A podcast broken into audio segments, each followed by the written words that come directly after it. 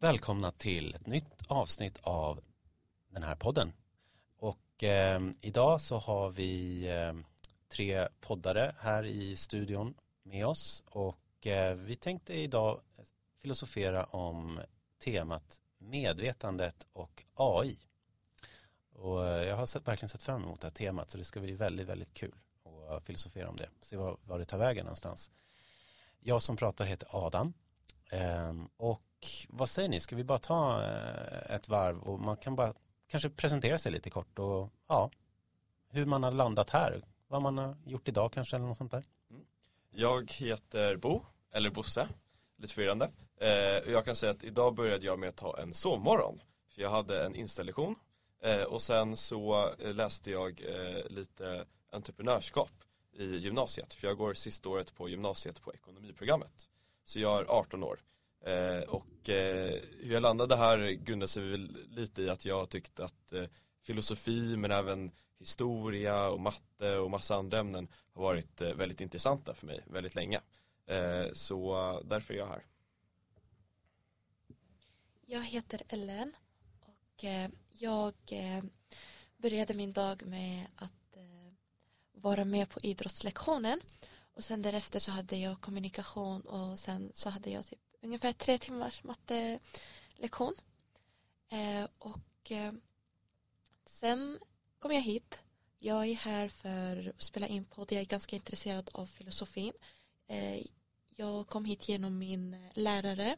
Jag fick ett erbjudande om att eh, få vara med och spela podd och filosofera helt enkelt. Okej, jag heter Sally, jag är 19 år gammal men går gymnasiet sista år i naturvetenskapsprogram med naturvetenskapsinriktning.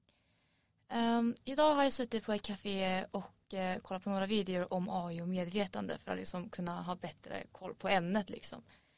Um, jag tycker bara att om filosofera och liksom det, tycker, det är liksom fascinerande för mig. Och uh, jag har varit med på filosofiklubben sedan innan. Um, sen så var jag med och spelade in podden. Exakt, du har redan varit med. Vilket avsnitt var du med Ehm, jag var med på vad är filosofin och filosofi som terapi. Just det, vad är filosofi? Exakt. Ehm, det kan ni lyssna på, ni som inte har lyssnat på det avsnittet. Det kan jag varmt rekommendera. Um, hörni, vi brukar ju börja med en liten uppvärmning som är bara sant eller falskt. och idag är det då på temat medvetandet och AI. Är ni beredda? Ja. Ja. ja. Du Bo, är du beredd? Jag är helt beredd, hoppas jag. Okej, okay. då drar vi igång då. Nummer ett. AI kan ha ett eget medvetande. Sant eller falskt? Sally? Sant. Sant. Ellen, sant? Okay. Ja, sant. Sant. Okej, okay, alla tre. Chockerande. Jag tror, jag tror, ja. Eh, jag ska inte säga själv. Eh, jag har bestämt att jag, jag inte ska svara. Okej. Okay? Eh, nummer två. Eh, AI kan skapa bra konst. Bo. Sant. Eller kommer i alla fall kunna skapa. Okej, okay, kommer kunna. Jag tycker det är sant. Sant, Ellen, okej. Okay. Um, sant. Sant. Wow, okej. Okay. Det här kom, måste vi komma tillbaka till, för jag, jag skulle vilja utmana er. Nummer tre. AI kommer förgöra mänskligheten. Domedagsprofetian om AI som finns lite i Terminator och i andra filmer. Eh, Sally. Sant. Alltså både sant och falskt. Nej, du får inte det. Okej, vi kör sant. Sant, okej. Okay, ja. Falskt. Bo är falskt, okej, okay, så två, två mot en här. Okej, okay, nummer fyra. Ehm, lite mer om medvetandet då, vad det är för något. Medvetandet är en behållare av information. Ehm, Bo? Falskt. Sant. Falskt. Okej, okay, så, så två sant, en falskt. Mm. Okej, nummer fem. Mänskligheten 2023 har en låg medvetenhet. Sally. Sant. Sant. Oj, det här var en väldigt, väldigt svår fråga. Um, jag skulle säga sant. Okej, och vet ni vad? Vi brukar köra fem, men det här var så svårt att välja så att vi har faktiskt en bonus. Är ni med? Mm. Nummer sex. Det finns olika medvetandeformer i naturen. Sally. Sant. Falskt. Sant.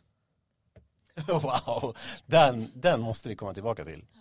Gud vad spännande. Okej, okay. Hur känner vi i rummet? Är det någon som är lite mer uppvärmd än för några minuter sedan? Jag är uppvärmd. Ja, jag med. Faktiskt jag också. Jag med. Och poängen med de här det är ju att de ska ju kittla lite, alltså så här provocera. För det är, det är ju svårt att svara på rakan bara, sant eller falskt. För liksom vadå, man vill ju gärna förklara hur man tänker och så här. Och vet ni, det kommer vi göra nu. Men hörni, vi har alltså, eller ni har ju valt medvetandet och AI som ett tema. Så det vi kommer brottas med i det här avsnittet, Eh, det blir ett lite längre avsnitt idag.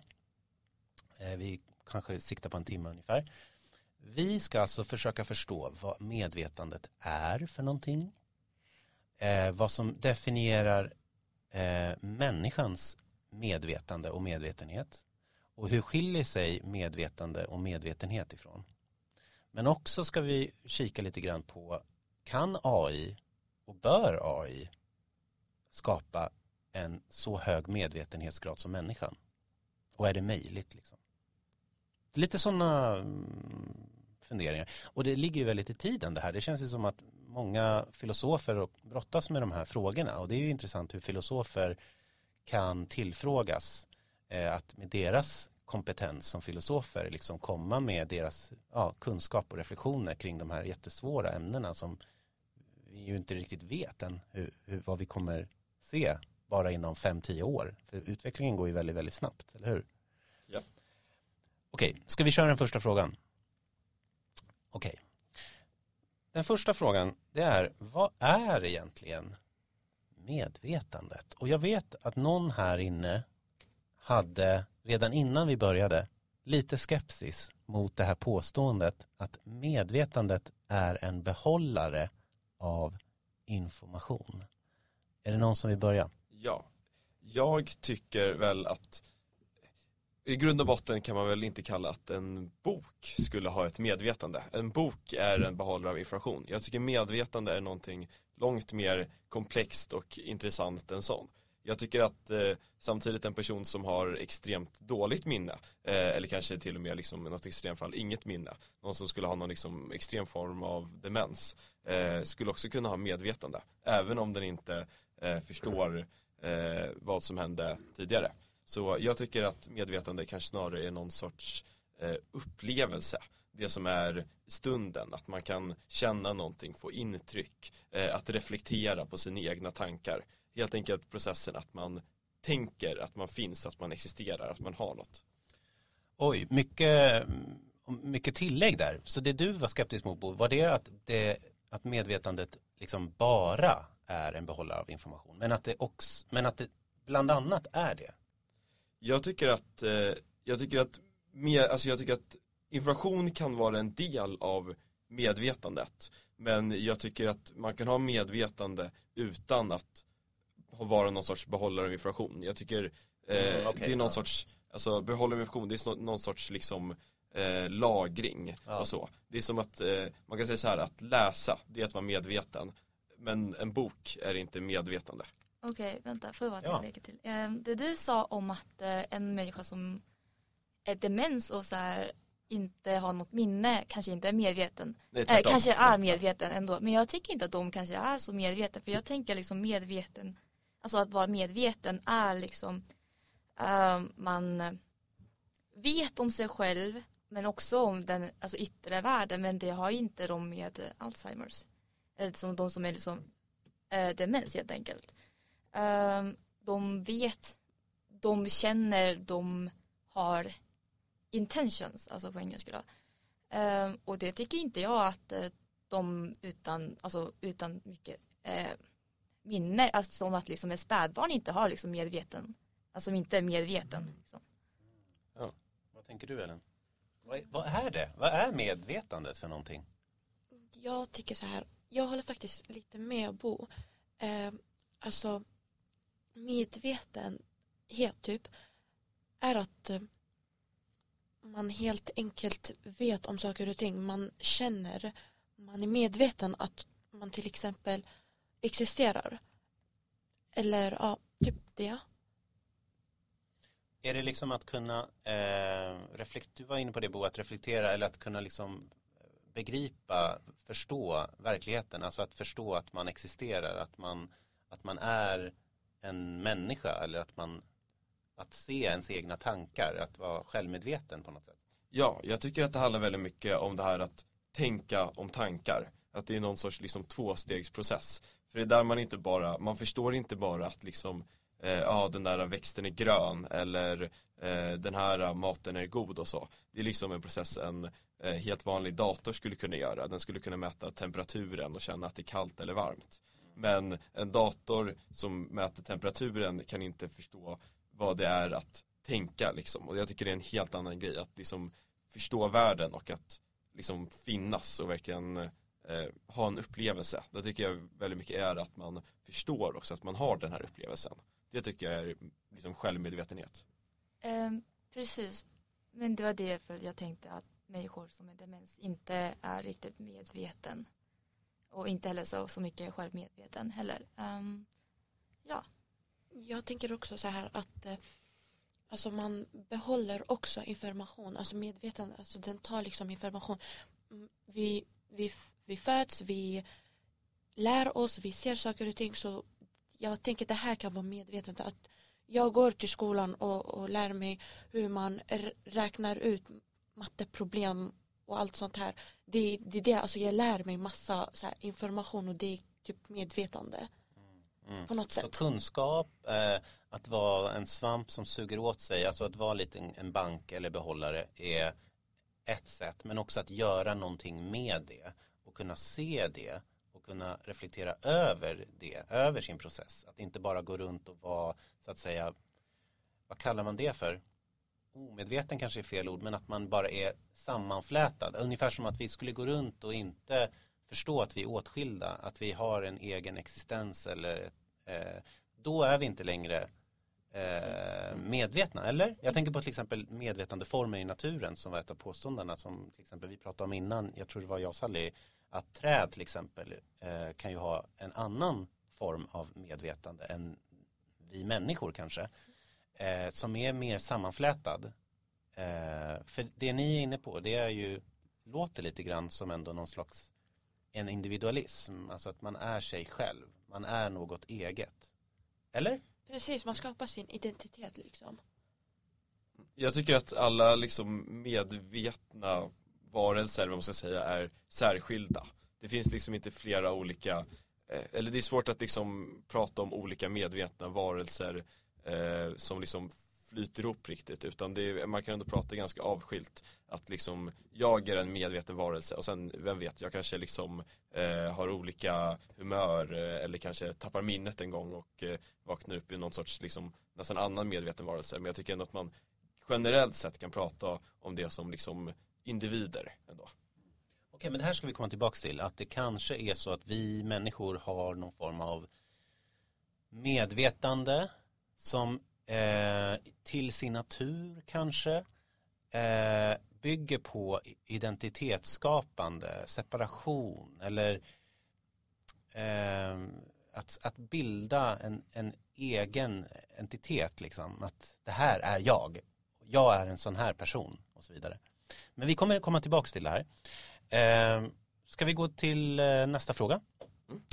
Eh, nummer två här, det är varför har vi ett medvetande överhuvudtaget? Vad är alltså meningen med att vi har ett medvetande? Jag tror att det bara är någon sorts biprodukt av evolutionen att vi har eh, blivit så avancerade varelser och utvecklat eh, så mycket tänkande att vi inte längre behöver tänka på de här primala liksom, aktiviteterna som att eh, gå ut och jaga eller plocka bär och sånt. Det är inte liksom allt vi behöver på längre. Utan eh, vår hjärna nu är skapad för att eh, kunna liksom skapa avancerade typ instrument som spjut och klubbor och sånt. Eh, och i dagens samhälle så använder vi vår hjärna till långt mer avancerade saker än så. Så det är bara en eh, biprodukt som råkat ske eh, i takt med vår utveckling. Tänker ni andra? Varför har vi ett medvetande överhuvudtaget? Jag tänker så här att typ hela samhället, den kan typ liksom inte funka utan medvetande. Om man går runt och man har ingen aning om medvetande, då, alltså hur ska folk klara sig? Hur, Så du menar att det handlar om funktion, alltså överlevnad, struktur, organisering? precis. Okej, så att det, det är liksom hur vi bygger upp vår, vi bygger upp vår kultur och vårt sätt att interagera med varandra, någon civilisation, Genom vårt, skapas genom att vi har en, som du var inne på Bo, en, någon form av högre, eller hög komplexitet i vår medvetande form. precis. Okej. Mm. Eh, jag håller med Bo Elin här men eh, jag tänker samtidigt är vi verkligen så här, alltså i dagens samhälle så medvetna? Alltså så här, eh, det känns som att ganska många lever liksom dag efter dag och liksom utan att tänka på ens existens eller så här, vad är meningen med det här? Utan liksom, typ till exempel de som jobbar, alltså typ så här, vad heter det, eh, nine to five. Eh, så lever man liksom, man går till jobbet, man jobbar, man kommer hem, sover, alltså man äter, man sover, man träffar sina vänner ibland och så vidare. Liksom det känns inte som att man är så mycket medveten och det är ju inte så mycket problem längre. För liksom ganska många saker är redan är uppbyggda i vårt samhälle just nu och inte så mycket kräver mer än det är liksom daglig basis. Typ. Vad känner ni andra kring det som Sally är inne på? På något sätt att eh, det också finns någon form av eh, brist på eh, den här komplexiteten eller medvetet, alltså att vi inte tar vara helt enkelt på vår förmåga att, att vara människor på något sätt. Alltså att vi inte kanske reflekterar så mycket, att vi inte tänker långsiktigt, att vi bara lever här och nu och tar det lite som det kommer. Eh, ligger det någonting i det? Jag tycker att det, det binder in väldigt mycket i den här frågan som vi hade förut eh, om mänskligheten har låg medvetenhet idag. Eh, som jag ju svarade sant på. Eh, och jag skulle säga att det absolut ligger någonting väldigt stort i att eh, vi kanske använder vår medvetenhet till väldigt lite idag. Eh, men sen, eh, jag undrar också hur mycket vi tjänar på att använda mer. För blir man verkligen eh, lyckligare av att fundera på hur meningslös ens existens är och så. Så jag tror att det finns också något väldigt naturligt i att man hellre ändå liksom har de här fasta rutinerna, ändå att vakna liksom liknande tider varje dag, få i sig mat, åka till jobbet, träffa samma människor och sådär. Det är ändå någonting som gör människor eh, lyckliga och tar bort mycket av osäkerheten och liksom ångesten man kan få i vardagen annars. Jo men precis, det tycker jag också. Ehm, så det är det jag säger liksom, även utan medveten, medvetandet och medvetenhet eller så fungerar samhället som den ska, alltså just nu i alla fall för att eh, den har redan utvecklats i en viss grad och den funkar liksom. Alltså. Eh, jag tänker så här att eh, den, alltså samhället har kanske en låg medvetande men den är inte så alltså tillräckligt låg att vi inte är medvetna om allting liksom. Alltså den, den är kanske låg men vi är fortfarande medvetna om de saker som vi behöver vara medvetna om. Vi pratade lite här innan om det här begreppet ontologi. Känner ni till det? Vad det är för någonting? Ontologi. Lite halvbekant med det. Det är ju grekiska men det är väldigt vanligt inom filosofi. Det är, inom filosofi så har vi ju, jag och Bo pratade här innan om politisk filosofi, där har vi ju en del. Eh, sen har vi ju också estetik som ju handlar om konst och det vackra och sådana här saker. Sen har vi ju bland annat metafysik. Eh, finns det en fri vilja? Finns själen? Vad är det? Och så vidare. Eh, ontologi det är, kan man säga, är grunden i existensen, vad det är. Och vi pratade ju lite här innan om att vi människor, eh, vissa söker ju efter en förståelse att vi använder oss av vårt medvetande för att filosofera som vi gör här. Vissa människor dras ju till det. Man kanske inte blir lyckligare, men man kanske är mindre olycklig eller så. Jag vet inte. Man kan säkert bli förvirrad och förtvivlad och få livsångest, eller dödsångest och massa saker. Men eh, ontologi tänker jag också är viktigt i det här sammanhanget. För vi pratar väldigt mycket om liksom eh, på något sätt låg medvetenhet i vår kultur. Alltså typ här där vi lever i alla fall i Sverige, i Stockholm 2023. Eh, och att eh, om vi leker med tanken att eh, vi skulle ha en, en, en annan ontologi då skulle det bygga på en annan förståelse, en annan livsfilosofi på till exempel vad medvetandet är eller vad hög eller låg medvetenhet innebär. Eh, så att det bygger också lite grann på etik och sådana här saker. För att om vi människor är så bundna av vårt medvetande och vår medvetenhet Eh, så är det ju viktigt att vi förstår vilka glasögon är vi använder när vi pratar om existensen överhuvudtaget och hur påverkar vår förståelse av medvetenhet eh, sättet vi lever, sättet vi ser på verkligheten för vad det faktiskt är för någonting. Och vi pratade ju innan här om att eh, upplysningen, där hade man ju väldigt stark tilltro till förnuftet och eh, ni får rätta mig, är det höger eller vänster hjärnhalva? Jag blandar ihop dem här ibland. Vänster tror jag. Ja, just det. Förnuft, rationalitet och intellektuellt, eh, liksom att verkligen så här eh, på något sätt kontrollera eller förstå, beskriva, eh, mappa in verkligheten utifrån vår logik och, och, vår förmåga att tänka och så vidare. Att skulle det kunna vara så då om vi pratar om någon slags eh, låg medvetenhet idag, som ni alla ni verkar vara inne på, på, att det kan också vara på gott och ont såklart. Man kanske väljer det som Bo var inne på, att det också handlar om att man kanske inte klarar av för hög medvetenhet eller att, att livet blir för svårt eller för stort eller man behöver en bekväm vardag. Eh, så tänker jag lite grann på det här med att eh, om man kan se AI, för vi behöver ju prata lite om det också. Kan man se AI som, vi har en rätt rolig fråga här, är AI kulmen av mänsklighetens vänsterhjärna hybris? Förstår ni den frågan? Ja. Alltså om vi, om vi leker med tanken att, att upplysningen på något sätt, där var det den skjuts för rationaliteten och bara okej, okay, nu ska vi liksom eh, vi ska separera oss från naturen, vi, vi, vi, vi kropp och själ är åtskilda, vi ska tänka, människan är, tänk, jag tänker alltså finns jag liksom och René Descartes och så vidare. Eh, är AI någon form av spegling av människans hybris eller identi att, att vi eh, identifierar oss så mycket och vår kultur och framsteg inom vetenskap och så vidare med eh, vänster hjärnhalva och i sådana fall vad, vad är risken med det?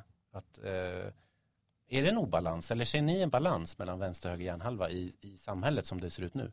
Det jag tycker är att AI är liksom väldigt, det är ändamålsenligt. Jag vill inte gå in på liksom ChatGPT och fråga eh, vad är rädsla för någonting. Jag vill inte fråga om känslor eller eh, kanske inte så jättemycket om konst och sånt där heller utan det är ofta liksom faktafrågor och kunskap och så. Så jag tror ändå att det finns någon liksom ändamålsenlighet. Och det är såklart att man skulle kunna liksom bygga, försöka bygga AI runt ja, men känslor och det vi då kallar liksom höger hjärnhalva antar jag då. Eh, men samtidigt, det är liksom Tänk att vi ska bygga en bil och så bygger vi en bil med ben istället för hjul. Eh, visst att det liksom på något sätt liknar människor mer att ha ben. Men om vi ska vara ändamålsenliga så kanske vi hellre, hellre vill att liksom bilen ska ha hjul än ben. Ehm. Eh. Ja, absolut. Men jag tänkte också liksom att skapa AI och um, det vi nu liksom typ ifrågasätter också. Kan AI ha känslor? Kan AI tänka av sig själv? Det är lite grann som att människor vill vara som en gud. Mm. Som typ så här, skapa en människa liksom. Alltså, typ. Frankenstein. Ja, typ nästan. Kanske. Um, ja. Men är, för, för, frågan är ju lite grann så här. Har vi fått hybris eller identifierar vi oss så mycket med vänster hjärnhalva att AI på något sätt är bara en, en effekt av det? Bo, du är inte helt säker på det?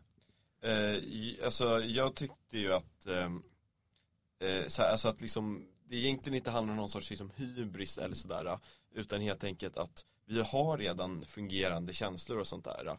Det är ingen som, jag tror det är väldigt få människor som eh, upplever problemet att de inte liksom eh, har tillräckligt bra koll på eh, vad känslor skulle vara för någonting och så. Vi alla känner ändå känslor och så. Och sen är det vissa som kanske har lite svårt att känna känslor, kanske vissa som känner lite för mycket känslor. Men allmänt, det är liksom inte ett problem, särskilt inte ett problem vi vill fråga eh, någon sorts liksom robot om. Utan känslor är någonting man känner. Det är någonting som finns i kroppen. Det är mer än bara liksom ord på en skärm som jag kan få på internet.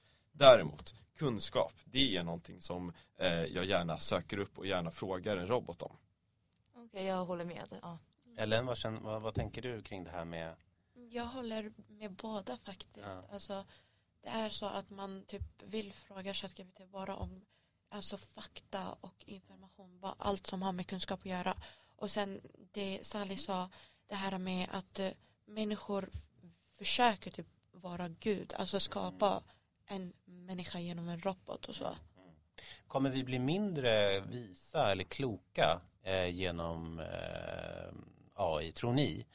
Alltså att man, man så att säga, eh, vi pratade om behållare av information tidigare, att människan kanske redan nu med, med internet, Google och allting liksom på något sätt hela tiden förr i tiden, för länge sedan, eller under rätt lång tid i mänsklighetens historia så bevarade man ju eh, genom muntlig tradition eh, kunskap.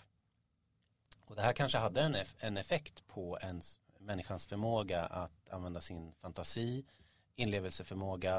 Eh, det fanns någon slags relationalitet och he, eh, att man liksom hedrar sina förfäder och en, en, en tidsrymd. Eh, och att man kanske på något sätt också att det spelar in med, med visdom. Eh, tror ni att människan kommer bli visare eller mindre visare av eh, artificiell intelligens? Att, eller att det inte spelar någon roll alls? Ja, men jag känner att det liksom verkligen beror på hur man använder AI som alltså ett verktyg. Liksom. Eh, för redan i min klass och i min skola så ser jag liksom väldigt många som använder ChatGPT för att liksom skriva en essay, typ så här, så, så här rapporter och bara liksom nöjd med det, liksom, alltså det är chill liksom. Men samtidigt så finns det vissa som använder sig, använder sig av ChatGPT för att lära sig och liksom för ChatGPT liksom sammanfattar ju väldigt många information som redan finns på Google och typ så Bing och alltså så sökmotorer. Så det är bara enkelhets skull de använder sig av det. Men eh, alltså om det verkligen fortsätter så kan det göra, alltså för det är ju mycket flera som använder sig av ChatGPT bara för betyget liksom. Och inte för att lära sig om det här fortsätter så känner jag liksom att det kommer inte göra människor visare utan människor kommer bli van vid att ah, men om du söker så kommer det upp svaret direkt. Alltså då behöver inte jag plugga in på det här. Ja, jag tycker absolut det finns verkligen en stor poäng i det att liksom skilja mellan eh, att lära sig att eh, förstå och, och, liksom, och ta fram information och sånt och kontra att faktiskt liksom ha information. Det finns liksom en skillnad mellan vad ska man säga, kritiskt tänkande och faktakunskaper. Eh, och AI kanske måste användas liksom lite varsamt med båda. Eh, men sen tycker jag också att det finns ändå en poäng att vi behöver inte ha alla faktakunskaper direkt åtkomliga i hjärnan. Det finns väldigt mycket kunskap som eh, det är bättre att jag har i ett sorts man kan nästan kalla det en sorts liksom, ett minne som är en minut bort och det minnet heter Google. Eh, att jag kan söka upp någonting som jag inte har i huvudet just nu. Det kanske kan fungera ganska väl för ändå väldigt, väldigt stora mängder information. Eh, men sen måste man också då se till så att man inte kastar bort all eh, information och bara låter ja, men internet och AI och sånt där sitta på alla kunskaper om både faktakunskaper men också nu kanske färdigheter, alltså om hur man ska skriva och sånt där som tidigare inte har gått att söka upp. Ellen, vad tänker du? Blir vi visare eller mindre visare eller spelar det ingen roll alltså, med AI? Jag tycker så här, alltså vi det beror på hur vi använder det. Alltså man kan bli faktiskt mindre klokare om man använder det på det sättet att jag varenda grej jag eh, behöver hjälp med uh, genom alltså så här, uh, ChatGPT, vi säger jag får så här massa uppgifter hela tiden, inlämningar och så, så låter jag ChatGPT ta, alltså, och, ta ansvaret och göra allt åt mig då jag blir liksom mindre klokare på något sätt. För att om vi säger jag istället googlar fram och försöker verkligen ta svar på det jag vill ha svar på jag kanske kommer fram till någonting helt annat och då lär jag mig alltså någonting som jag inte alls hade tänkt på. Plus så kommer jag alltså det, jag kommer kunna låta det fastna i mitt huvud, i min hjärna ännu längre period. För om jag använder ChatGPT hela tiden då kommer jag bara glömma, ja men jag har aldrig gått in och sökt på vad är med, medvetenhet till exempel. Men om jag gör det via eh, Google till exempel då går jag in i flera olika länkar och då kanske, ja men den här länken, ja men den tog upp den här bilden och sa, ja men ja jag kommer ihåg, jag har faktiskt sökt genom medvetenhet och jag vet vad det är, jag kommer ihåg vad det är. Men om man tänker så att vår tidsanda handlar väldigt mycket om att man ska vara bekväm. Men vi var inne på det lite förut också. Att man vill vara bekväm, man vill använda ChatGPT, det är nice, man hittar informationen och så kanske man tappar någonting på vägen som du är inne på Ellen. Liksom att man, äh, vänta, just det, jag tappar mitt ansvar, jag tappar min förmåga att göra fel, jag äh, att upptäcka något oväntat. Att vara kreativ, att tänka kritiskt, eller hur? Mm. Eh, vad tror ni det beror på? att tids, om det är så att tidsandan här i Stockholm som ni upplever eh, på något sätt premierar någon slags bekvämlighet före att vara inne på det som du var inne på Ellen, att försöka förstå verkligen och, och ta ansvar. Eh, ni sa det att många använder ChatGPT, liksom att det är nice. Eh, man kan ju förstå varför, för det är ju väldigt praktiskt, det är ju väldigt bra egentligen att det, att det finns på ett sätt. Eh, så jag menar inte att, att det måste bara vara negativt, men jag bara undrar så här, eh, apropå de här glasögonen som vi, eh, tidsandan eller vad vi nu ska kalla det för, liksom som vi ser på verkligheten. Man kanske, inte, man kanske inte ens reflekterar över att det är så. Man kanske bara gör som kompisarna gör. Men vad, vad kommer det ifrån? Att eh, är, vår natur, vi är, är människans natur att göra det enklaste Eh, eller är det något som har liksom blivit så, tror ni? Jag tror att det ligger väldigt mycket i människans natur och det har att göra bara liksom med hur det var för väldigt, väldigt länge sedan. Att människan är byggd för att söka sig till mat, till trygghet, till det som är enkelt. Eh, det fanns liksom inte sådana här större problem med vad är meningen med livet eh, för 50 000 år sedan. Det var inte någonting folk la sin vardag på. Eh, så jag tror att det bara, det ligger rent i människans natur att göra så och då måste vi kanske eh, våga ta det här steget och vara mer medvetna än tidigare och våga reflektera på gör vi rätt just nu eller gör vi bara det som enklast ligger i vår natur? Eh, jag tänker så här, eh, jag håller med Bo. Det ligger ganska mycket i ens identitet, hur man är egentligen. Alltså, vi ser till exempel, Bo är kanske en sån här människa som, en sån här person som bara, jag gillar att leta fram svar Medan jag till exempel, jag vill bara ha allting alltså, framför mig. Alltså det beror på person till person. Så det, alltså, hela samhället behöver liksom inte vara så här, ja men jag vill ha det enkelt för mig. Vissa personer vill faktiskt kämpa och få fram det de söker efter.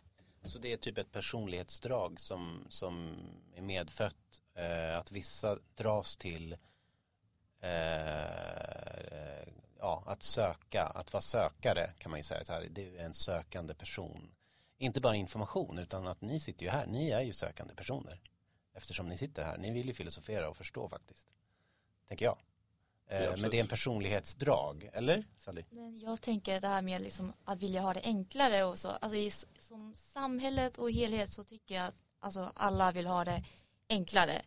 Det var ju liksom också på grund av alltså, det som um, alla maskiner och alla AI och liksom automatiseringar sker och liksom um, ja, jag tycker det. Men är, är, vi rädda för AI? För ni, ni, ni, vet ju att det finns så mycket så här science fiction, typ så här att eh, det kommer vara att AI tar över och ni har säkert sett typ Matrix eller Terminator eller ja, det finns ju hur mycket som helst. Eh, vad tror ni det grundar sig i? Alltså rädslan för eh, AI eller liksom rädslan för vad som skulle kunna hända och kanske som redan händer nu. Vad, vad tror ni egentligen att, att, man är rädd för liksom? Men jag känner att i grund och botten så ligger det på att vi inte vet så mycket om AI ännu. Eh, precis. Jag tror också det finns, alltså det är någon sorts utmanare mot människan.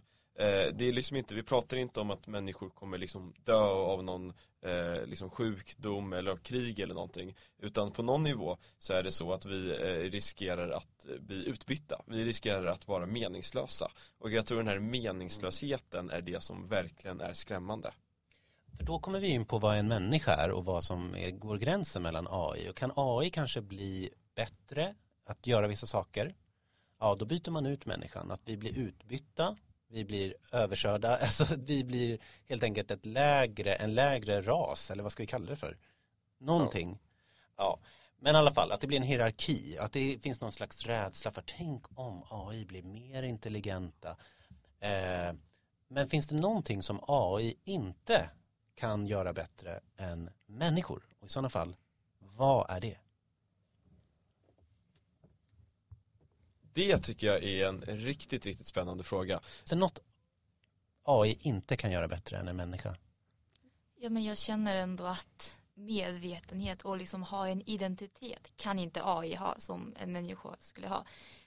Um, liksom, om en väldigt, väldigt bra gjord AI har, liksom, så har känslor, har liksom, kan gråta, alltså har en människokropp, alltså liknande, ser ut som en människa och liksom kan tänka, alltså kan kommunicera bra, Alltså det är fortfarande inte en människa för att um, vad är den för något? Alltså så här, vad är den, vad är den liksom, har det ett Alltså Du pratade tidigare om intention vad är det du ja, menade precis. med det? Kan en, kan en AI-robot som, som verkar som en människa uttrycker känslor på rätt sätt eller liksom sådär eh, vad, är det någonting som människan har som inte en AI kan ha? Eller kan AI också ha intention? Alltså jag känner att AIs intention är för människor. Alltså det kan liksom vara för människors underhållning eller för att, alltså för att vara en kompis liksom till exempel.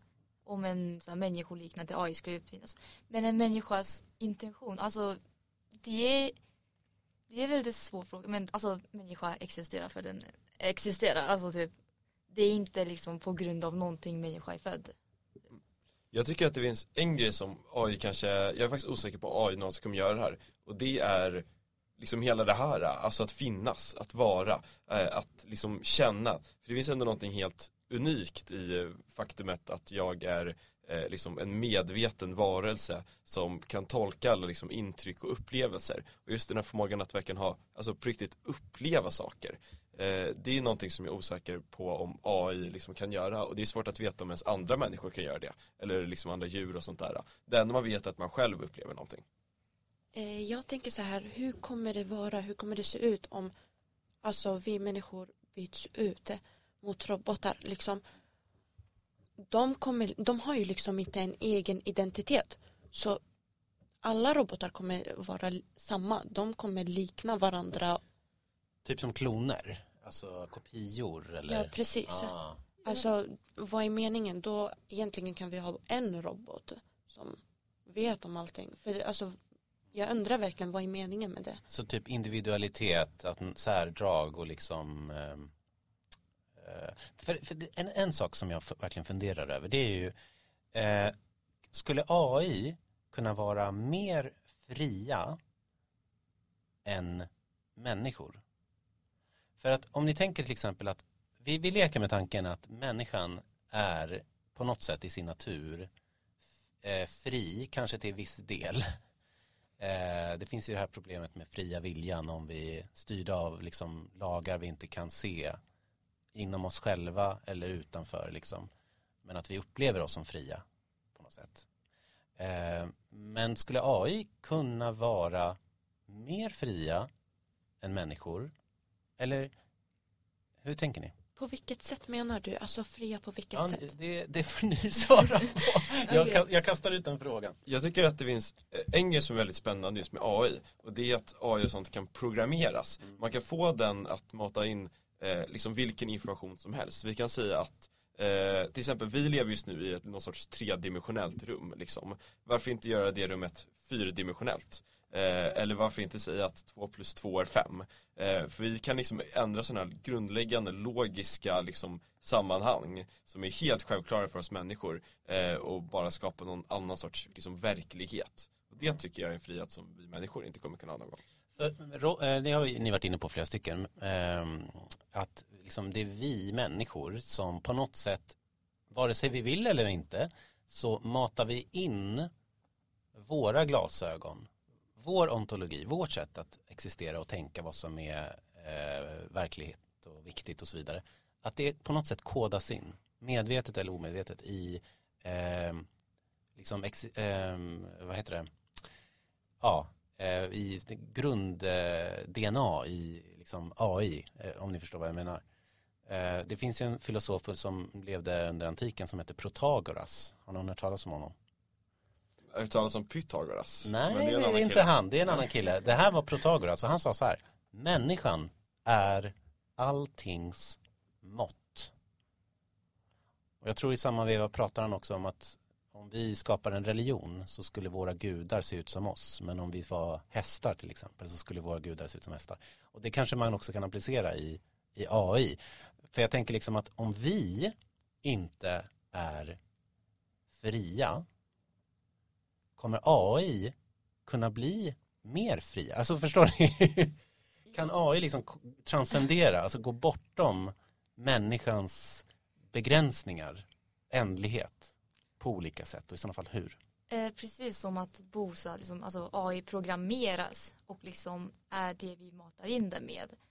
Om inte liksom vi liksom programmerar in att liksom den ska vara alltså, mer fri och så säga. Fast eh, det är lite svårt kanske. Det är svårt att AI på något sätt ska kunna gå, komma, komma vidare, alltså bli mer fria ja, men än alltså, så här, människor. För AI är bara liksom det vi har programmerat mm. och liksom att gå över det är av vad vi vet just nu är det omöjligt. Liksom. Så är människan mer fria än AI? Det är det ni säger? Jag tycker att, alltså jag tycker att med frihet är egentligen någonting som är väldigt alltså otydligt. För jag tycker i grund och botten att vi har liksom ingen, jag, tycker inte riktigt man kan säga att man har fri vilja. Vi har vilja, det kan jag ge. Men fri och vilja, jag tycker nästan det är en så kallad oxymoron. Ja. Det är två ord som säger emot varandra. För jag kan ju inte, alltså om jag ska ha en vilja, det måste ju ändå på något sätt vara bestämt. Jag kommer alltid eh, vilja liksom ha det som är bäst av alla alternativ jag har framför mig. Så den viljan är ju inte fri, den är ju bestämd. Så jag skulle säga att vi, vi har i vilja och vi kan ge AI någon sorts vilja, ett, ett sorts, liksom, vad ska man säga, ett lyckooptimeringsprogram. Eh, men det är väldigt svårt att eh, prata om någon sorts frihet i det. Eh, och det är kanske inte någon frihet som vi inte heller har då. Eh, och så. Vi kan såklart eh, göra hur vi vill med våra liv. Men det är ändå utifrån viljor och eh, eh, förutsättningar som är helt ofria och som i grund och botten ändå bestämmer eh, ja, och fördömer oss liksom till någon sorts ofrihet som vi faktiskt ändå kanske inte har någonting emot. Är det någon som vill kommentera? Nej. Alltså Pass. jag känner ändå att människor, vi också är ju liksom programmerade, alltså som DNA och gen. Ja det är vi ju, vi är på ett sätt också Precis. programmerade. Ehm, mm. Så liksom, alltså fri vilja som jag håller med på att det inte riktigt finns.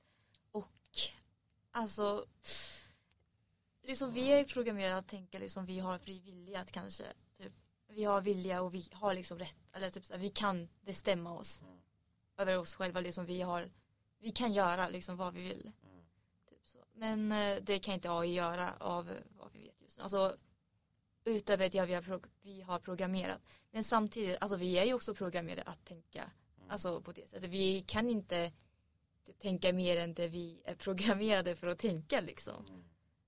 Men om man tänker i människans natur, att vi, vi kanske någonstans ändå vill vara fria eller sträva mot frihet, att vi tänker att det är någonting positivt, även om vi någonstans kanske kan förstå att det är rätt svårt att vara totalt fri, både rent praktiskt men också existentiellt, att som ni sa, vi är kodade, vi är programmerade. Eh, vi har olika begränsningar i vad vi kan själv förstå om oss själva och tänka och så vidare. Eh, ja men jättespännande. Hörni, eh, om man skulle också jämföra AI med en människa. Jag tänker, vi pratade också lite innan det här med att i människan så finns det någon form av drivkraft att vilja växa, att vilja bli till på något sätt Eh, att, att förverkliga sig själv, eh, sina gåvor, sina, sin potential eh, och att det krävs kanske då ett mått av reflektion, metaperspektiv, att kunna tänka kritiskt, tänka, alltså se sig själv på något sätt. har AI den förmågan tror ni nu eller i framtiden och, och i sådana fall hur kommer det här liksom skapa någon slags eh, dynamik? För det betyder ju att att det finns begränsningar kanske för AI eller kommer AI kunna helt enkelt också vilja växa och skapa mening och självförverkligande. Vi tittade på någon klipp här innan när de sitter och har en typ en existentiell kris, två AI. Där, uh, det, var, det, är lite obehagligt nästan. Ja, ja. Uh, vad tänker ni, liksom, om man bara skulle jämföra den här människans längtan efter att, att växa och förverkliga sig själv. Kommer den kunna finnas i, eh, hos AI eller kommer den se annorlunda ut? Eller kommer det bara vara fake, alltså bara som en slags programmering? Jag menar alltså det du säger om fake, alltså det, jag tänker att det kan vara alltså, äkta så att säga, men det är bara en så annorlunda för det är ju liksom verkligen programmerade. Att säga till AI att du ska ha självförverkligande, alltså du ska liksom sträva efter att typ vara den bästa versionen av dig, alltså jag vet inte liksom. Och det kommer vara någonting bestämt. Och eh, det kommer se annorlunda ut än det vi människor har skulle jag tro. Men det är lite svårt att säga. Jag tycker det är väldigt svårt, eh, för man pratar om självförverkligande. Men vad är då liksom det där självet? Vad är jaget? Eh, och det är någonting som jag känner är, i människor utvecklas det väldigt naturligt liksom. Men i AI, alltså det heter ju artificiell intelligens och det blir ju någon sorts artificiell identitet mm. som den då ska försöka eh, uppfylla om den ska liksom nå sånt där. Så jag tror ändå att eh, man måste se det, det blir ett sorts artificiellt perspektiv på det hela istället. Men om vi då slänger in religion i det här. Eh, vi, har ju, vi pratade i början om eh, medvetenhetsgrad och att ni var inne på att mänskligheten just nu kanske har en rätt låg mänsklighetsgrad. På vissa sätt kanske vi till och med har haft en högre medvetenhetsgrad eh, längre bak i tiden. Det är väldigt svårt att mäta och ta på, men man kan ha sina aningar. En som hade en sån aning, jag jobbar ju på Moderna Museet och där har vi ju en konstnär som visar som heter Hilma af Klint. Är det någon som har hört talas om henne? Det var en svensk konstnär som levde i Stockholm för över hundra år sedan. Ehm, hon föddes i andra halvan av 1800-talet och dog 1944. Hon eh, sa då eh, att hon fick budskap från andevärlden som berättade för henne om att hon skulle måla väldigt, väldigt många målningar som på något sätt beskriver mänsklighetens utveckling och de här målningarna, de skulle inte visas för en 30-40 år efter att hon eh, hade dött. Hon dog 1944. Men när man tittar på de här målningarna eh, så är, så är det ju så att på Moderna till exempel var det den mest välbesökta utställningen, eh, tror jag någonsin. 2013 var det som hon visades. Och den, det blev en succé liksom att många människor som kanske är sådana sökare som vi var inne på förut dras till det här för att det är, det är som att den beskriver väldigt mystiska sidor av mänskligheten och livet liksom. Och i en tid när vi, vi pratade om tidigare det att man kan kritisera människan kanske att sen upplysningen att vi har blivit så fokuserade på vilken hjärnhalva var det? Vänster. Eh, rational, just det, rationalitet, precis och nu ser vi med klimatproblemen också att man kan ju se kanske en koppling där. Att man har liksom drivits åt en väldigt stark eh, kraft att dominera men kanske tappat en känsla för helheten eller liksom, eh, ja. Men att eh, Hilma af Klint hade en aning om att människan med de här då budskapen som finns i målningarna som är väldigt mystiska symbolvärldar liksom eh, beskriver människans utveckling i form av medvetenhet. Och då pratar vi alltså om dåtid, nutid, framtid. Eh, och det vore ju väldigt intressant om man skulle eh, tänka sig de banorna, liksom att människans medvetenhetsgrad utvecklats eh, i relation till, till AI. För att många är ju rädda för AI, att man ska på något sätt bli utbytt och sådana här saker. Och många menar att vi, vi, vi kan inte göra något åt det, det bara sker automatiskt det är som ett monster som bara lever vidare och skapar sig själv och liksom vi kan inte nästan som en slags frihet i sig att den liksom den har en makt. Eh, vad tänker ni? Liksom, vad, skulle det kunna vara så att människan utvecklas i, sitt med, i sin medvetenhetsgrad? Lite som Hilma af Klint kanske var inne på att det finns någon form av utvecklingsmöjlighet i, i det här med också med AI och så. Vad tänker ni? Alltså jag tycker um, jag alltså enligt mig i alla fall, eh, har människor varit mer medveten, medvetandet var liksom högre i förr i tiden och sen att det sjunker efter tiden. Um, efter all det här AI, automatisering, maskin eh, i, som händer i samhället liksom så här, och AI tar över liksom människors jobb. Men det kommer sluta med att liksom allting blir automatiserat, alltså typ så här, liksom taxichaufför, alltså AI kör liksom läkare, alltså AI kör liksom det kanske finns liksom vissa människor som liksom kontrollerar och så. Um, och människor kommer inte jobba, alltså de kommer bara leva och typ en viss utopi kanske. Men på det sättet, de kommer, att människor kommer inte lära sig. De kommer liksom, alltså vad kommer vara liksom mening med livet för dem i så fall. Um, och de kommer inte vilja alltså, reproducera, alltså de är nöjda med livet liksom. Och jag tycker det på det sättet AI förstör mänskligheten kanske inte så här AI kommer ta över mänskligheten och så typ så här, använder dem som slavar. För alltså om inte vi programmerar att AI ska göra så så kommer de inte troligen göra det. Ja, jag tycker att eh, liksom, det stora problemet är väl kanske alla de här filosofiska frågorna som eh, AI tvingar oss till. Eh, och det är de här frågorna om liksom, eh, okej okay, men är AI, är det här någon sorts liksom, ny människa? Eh, är det här någonting som vi kanske borde låta ersätta oss eller kanske vi borde liksom ta ett steg tillbaka i liksom mycket av teknisk utveckling. Kanske vi borde fokusera mer på eh, ja, men, att låta arbete vara roligt och sånt där. Alltså det finns otroligt mycket frågor som egentligen är eh, frågor om vad ska vi liksom, hur ska vi utforma framtiden? Vad ska människan göra? Nu när vi kanske har eh, om inte så jättelång tid så liksom enorma teknologiska resurser att vi kan ha vilken framtid vi vill och då måste vi bestämma vilken framtid är det vi ska ha med det där och det är en jättesvår fråga.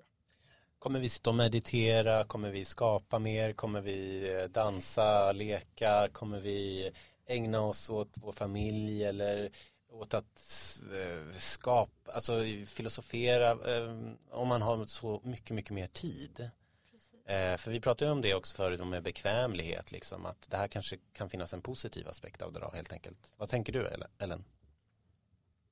Kommer vi ha mer tid liksom och kommer det vara någonting positivt att eh, vi inte behöver göra alla de sakerna som man kanske gör idag eh, för att det kan göras av andra och kommer det liksom få oss att bli mer tänkande eller eh, ägna oss åt saker som vi kanske inte har haft så mycket tid för tidigare eller kommer vi, vad kommer vi göra istället? Kommer vi bara sitta på, titta på YouTube eller vad kommer vi göra? Alltså, absolut kan det bli så att vi ägnar mer tid eh, åt familjen och åt oss själva och så. Men eh, den stora frågan är eh, vart eh, kommer pengarna komma ifrån? Var, hur kommer vi överleva? Hur kommer vi köpa mat och försörja oss själva?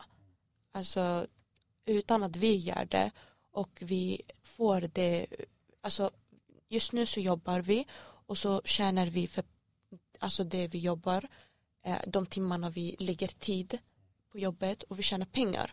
Och med de här pengarna så försörjer vi oss själva. Men om robotarna kommer ta över vårt jobb, vad kommer vi göra? Alltså absolut, vi kan sitta och ägna tid åt eh, oss själva och familjen och vänner och, och utvecklas. Men varför ska vi utvecklas? Vad är meningen då? Det jag tycker också är att det handlar inte bara om att liksom ta våra jobb och sånt där utan de kanske tar en plats i vår familj. Eh, jag men tänk till exempel om du har Eh, en eh, förälder som eh, kommer att gå bort inom liksom nära framtid. Eh, och då väljer du att föra över dens liksom medvetande eller kopiera det på något sätt till en robot som har liksom de här AI-förmågorna. vi kanske liksom lär oss att AI på något sätt kan bli människor och sådär. Så jag tror att väldigt många av de här frågorna om AI egentligen snarare frågor om oss, vilka vi är och vad som definierar oss. Så kommer vi få mer förståelse om vad det är att vara människa på något sätt genom den här utvecklingen att vi blir utbytta inom citationstecken liksom? Det tror jag absolut, för jag tror att det, det är just det det handlar om. Alltså tänk, eh, skulle ni kunna liksom byta ut eh, någon av era föräldrar eh, mot en robot eh, när tiden väl kommer, för människor lever inte för alltid. Kom, skulle ni ännu värre kanske kunna tänka att eh, byta ut er själva eh, mot något sorts medvetande som man har laddat upp i molnet eller i en maskin. Det tror jag är väldigt stora frågor som kommer komma ganska snart. Och det kallas ju eh, bland annat för transhumanism som ni säkert känner till det här att man liksom på något sätt ska modifiera sig själv. Eh, vad tänker ni om det? Är det också en del i, i den här utvecklingen att människor blir mer och mer positiva till att leva längre, eh, få någon slags starkare kropp eller vad det nu skulle kunna vara. För det kommer ju kosta eh, också. Alltså det finns ju, det är inte gratis förmodligen eh, att göra de här förändringarna med sin kropp. Ehm, så det finns ju också en del problem med det kanske. Men samtidigt, alltså jag, kommer, jag vet inte riktigt vad som kommer hända med ekonomin liksom när all automatisering hade skett liksom så här. Eh, alltså robotar liksom är bondar istället och de liksom lagar mat, de gör allting liksom. Då kommer pengarna inte spela så mycket roll längre. Alltså allting kommer vara gratis tänker jag. Alltså om det är de som liksom alltså skapar resurser till oss. Alltså, så här. Jag tycker man kan se väldigt mycket av det redan i eh, den historien vi haft hittills. För när så industriella revolutionen kom, då var det massa personer som pratade om att ja, de här kommer tala jobb och sen kommer Precis. alla vara arbetslösa och sånt. Och det hände ju inte och det där har hänt liksom om och om igen hur många gånger som helst. Och det slutar alltid med att människor fortsätter arbeta för eh, vi vill inte bli arbetslösa och vi vill inte sluta arbeta. Så på något sätt tror jag att vi kommer jobba, alltså ärligt talat säkert 30 timmar i veckan liksom, åtminstone i framtiden. Eh, och sen eh, så handlar det också om, vad var det? Okej, får jag bara avbryta lite snabbt. Men det här med att liksom, så här, människor vill jobba, alltså så här, människor kommer jobba så här, 30 timmar i vecka och så. Jag tycker det är bra att liksom, människor ska fortsätta jobba för att annars så känns liksom, alltså vad ska de göra ute i tiden? Alltså ska de verkligen så här, ligga på soffan och kolla på Netflix hela dagen? Nej, eh, men jag tror de flesta så här, fysiska eller typ de enklare typ, så här, kontorsjobb kommer liksom AI ta över till exempel. Eh, men till exempel typ så här, läkare eller typ så här, konstnärliga sådana saker kommer människor fortfarande liksom jobba med typ så här. Varför det? Varför kommer om bra exempel då, vi tar de yrkena, läkare och konstnär. Varför, varför, för i början pratade vi också om att konst, eh, Ja, vad var det. vi sa? Bra AI konster. kan göra bra konst, just det. Och jag tänker förmodligen inte, men alla ni var positiva, eller hur? Jag tycker det är jätteintressant, men läkare och konstnär, vad har de gemensamt som inte kan ersättas med AI? Sally, vad tänker du? Alltså det är lite svårt att säga exakt vad det är men liksom läkare det är liksom handlar om livet och eh, det finns saker som AI kommer liksom bara räkna med procent och liksom kan ignorera men alltså livet är inte bara om procent och sannolikhet utan liksom ja men det känns som att typ, den här människan är förkyld men tänk om den har typ så här cancer istället alltså man kan ju kolla det med undersökning såklart men liksom det finns saker som ligger i Det det. finns ju ett ord, omdöme. Eh, omdöme, Ja. alltså judgment på engelska väl. Eh, omdömeskraft. Ja. Ja. Ja, vad tänker ni? Är det, är det någonting som AI inte kan eh, så att säga, utveckla bättre än människan? Eh, Det behöver inte vara en tävling, men, men ja. Jag tycker inte det. Jag tror, alltså, vi har ju redan sett AI som kan göra sådana här medicinska bedömningar och sånt bättre än människor. Det jag däremot tycker att AI kanske är svårt att greppa är det här med liksom den här vad ska jag säga, ontologiska begreppet att liksom vara, eh, alltså existensen, också känslor och så. Det är därför jag tycker AI har väldigt svårt ofta med konst. För AI kan absolut imitera människor i liksom att skapa bra penseldrag säkert eh, och alla de där liksom små grejerna. Men att faktiskt imitera liksom eh, det som ligger till grunden för eh, konst. Jag tänker till exempel på eh, Edvard Munchs kända verk eh, Skriet. Ja. Eh, som är det här liksom, en, eh, skrikande gubben då, eh, som ska liksom symbolisera ångest. Eh, skulle en, alltså visst att en AI absolut kan komma på de där penseldragen, men att faktiskt få inspirationen till det där verket, kan en maskin känna eh, panikångest? Det är en svår fråga. Nej, men eh, jag tänker liksom det här med bra konst, alltså det är lite svårt att liksom bedöma vad bra konst är för någonting tycker jag. Men liksom när jag definierar bra konst typ som en konst som många människor kommer älska, alltså AI kan definitivt skapa en. Liksom det är det, därför jag sa liksom AI kan skapa en bra konst.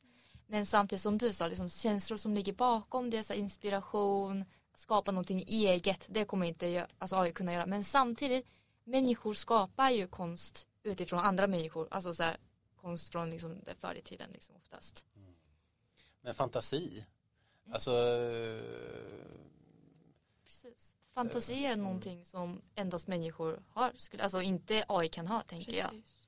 fantasi, är det bara liksom att plocka ihop sånt man, alltså typ jag tänker AI, det ni pratar om då med konst till exempel, att, lite som att man gör ett collage och tänker så här, det här, det här blir fint, eller det här tycker människor om ungefär. Men att konst är så, eh, så mycket mer. Alltså att det handlar om att skapa någonting som, som eh, alltså dels är man ju, när man är konstnär så går man ju igenom en konstnärlig process där man helt enkelt kanske gör saker som sker genom intuition, erfarenhet, fantasi, saker och ting som är rätt svåra kanske att Precis. eh, Alltså, konstruera artificiellt, jag vet inte. Jag tycker fantasi handlar väldigt mycket om att skapa någonting nytt. ja, Eh, och det är väldigt svårt, alltså AI är ju modeller som är tränade Ja. på information som redan har funnits. Och vi människor är ju liksom också i någon mån eh, skapade liksom utifrån sånt. Men vi har också någon sorts mänsklig faktor. Vi har någon sort, det finns ändå någonting som är i vårt huvud och som är liksom lite vrickat. Som är lite konstigt. Eh, och det är liksom, det där, men alltså, vi är liksom inte sådär kalkylerande. Jag kan prata om oss som någon sorts liksom lyckomaskin. Med, som liksom försöker göra de bästa valen hela tiden. Men det är vi inte, vi gör jättekonstiga grejer hela tiden. Finns hur många människor som helst som bara skapar lidande för sig själv genom hela sina liv. Eh, så det finns någonting som är liksom vrickat i människan. ja. Och det är det som AI nog saknar. Exakt. Att, att eh, skapa lidande för sig själv till exempel. Det kan vi ju människan göra. Vi ser krig, vi ser självskadebeteende, destruktivitet på alla möjliga fronter. Det är ju bara att titta på nyheterna eller vad som helst egentligen. Det är ju, det är ju eh, tyvärr så att vi människor har någon form av eh, skuggsida. Eh, på gott och ont kanske då, för det är ju också de konstnärer ibland kan dra inspiration ifrån och kraft ifrån eh, och som människor kan beröras av och känna igen sig i.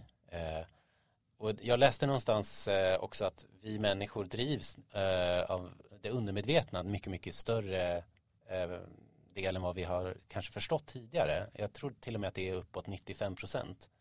Eh, och det, apropå den fria viljan, det är ju också intressant att, att sätta det i relation till AI med apropå medvetenhet och eh, det undermedvetna som vi ju inte helt har förståelse kring vad det är. Det är ju lite grann av ett mysterium också.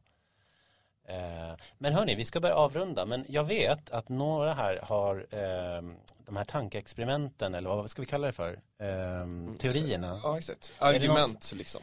Kan vi inte bara ta upp dem som en, en cliffhanger för, för lyssnarna att ta med sig och fundera själva över? Eh, det första vi tänkte på var Turing-testet. Eh, och det var då skapat av Alan Turing eh, i mitten på eh, 1900-talet. Eh, och det är egentligen ett test då för att eh, utvärdera om någonting har intelligens eller inte. Eh, och Turing var en av de här tidiga pionjärerna med eh, datorerna. Eh, och det han menade var att eh, det enkla testet för att se, för att testa om någon eh, är intelligent eh, så gör man helt enkelt så att vi tar eh, i det här fallet då en människa och en AI eh, och så låter vi dem skriva med varandra. Eh, och om man genom det här skrivandet på liksom, alltså med, över en typ en dator, liksom en chatt, eh, inte kan avgöra vilken av dem som är människan och vilken som är datorn. Om vi då antar att eh, människan ju är intelligent, då måste datorn också vara intelligent. Eh, det, det man kan säga med andra ord är att om vi inte kan skilja intellig, en intelligent varelse från eh, en annan varelse då, då är båda varelserna intelligenta. Eh, så det har ingenting att göra med liksom, medvetenhet, men det är ändå intelligens. Eh, Mm, just det, just ja. det. Mm. Och en dator kan ju göra det här. Och sen finns det ju intelligens på olika sätt. Det finns ju emotionell intelligens och det finns eh, vad- ja, Ja, IQ. Alltså det finns ju alla möjliga former av intelligens. Men om vi tar det vidare då, för det finns en kritik till det här som eh, det kallas för eh, Chinese room eller? kinesiska Eh. Sally, vet du något om det? Um, vill du förklara Bo istället? Ja. Ehm, ja, eh, så det kinesiska rumargumentet eh, går ut på att eh, tänk så här att eh, du har en AI, en utvecklad AI och den här AI kan då eh, kommunicera på kinesiska. Eh, så den gör ju det genom någon sorts algoritm, den matar in och matar ut. Det här är en kinesisk AI, ingenting konstigt med det. Eh, men tänk då att eh, du skulle ju kunna Om att en människa skulle liksom så här låtsas som att kunna prata kinesiska. Ja exakt, Ja. Eh, men det är någonting också att göra med engelska på något sätt. Men hörni, det vi skulle kunna göra är annars att vi också eh, rekommenderar ni som lyssnar att läsa lite om de här sakerna för att det tar ju upp en hel del eh, intressanta aspekter av det här temat med medvetandet och eh, AI. Hörni, vi höll faktiskt tiden. Vi, vi har kört en timma, till och med lite mer än en timma. Eh, och jag tyckte det blev ett otroligt samtal alltså. Eller känner ni att ni har liksom fått med er någonting härifrån? Att ibland när man filosoferar så upptäcker man ju mera av hur man tänker. Eh, det kan vara problem i ens argument eller nya perspektiv. Är det någon som tar med sig någonting härifrån kring AI och medvetande som man tycker var intressant eller så? Jag tänker väldigt mycket på hur mycket det finns av AI som vi kan se i oss själva. Att vi har suttit här och pratat om, försökt prata om AI liksom i någon timme. Eh, men samtidigt så har vi liksom pratat nästan mer om hur det är att vara människa. Eh, så jag tror det finns någon sorts självreflektion där som vi ofta glömmer bort annars. Ja men jag bara liksom eh, fått mig att tänka på nyare sätt och liksom mer perspektiv än det jag inte har gjort innan. Ja, det tycker jag var lite fascinerande. Mm, ja, jag håller faktiskt också med. Jag eh, har typ, alltså jag har varit helt inne i min egna perspektiv. Men sen så har jag fått höra era perspektiv som jag har tagit till mig massa nytt och så. Så jag tycker det är otroligt bra. Liksom, jag utvecklas själv genom att få höra från andra vad de tycker och ser på saker och ting. Och då kommer jag typ, om jag håller med så kommer jag också vara en sån person som också kan typ föra vidare till folk. Hörrni, starkt jobbat och tack för idag och vi ses snart igen hoppas jag. Ni som lyssnar också. Ehm, och eh, vi får se vad det blir för spännande filosofi-tema nästa gång. Så tack för idag. Tack så mycket. Tack. Tack.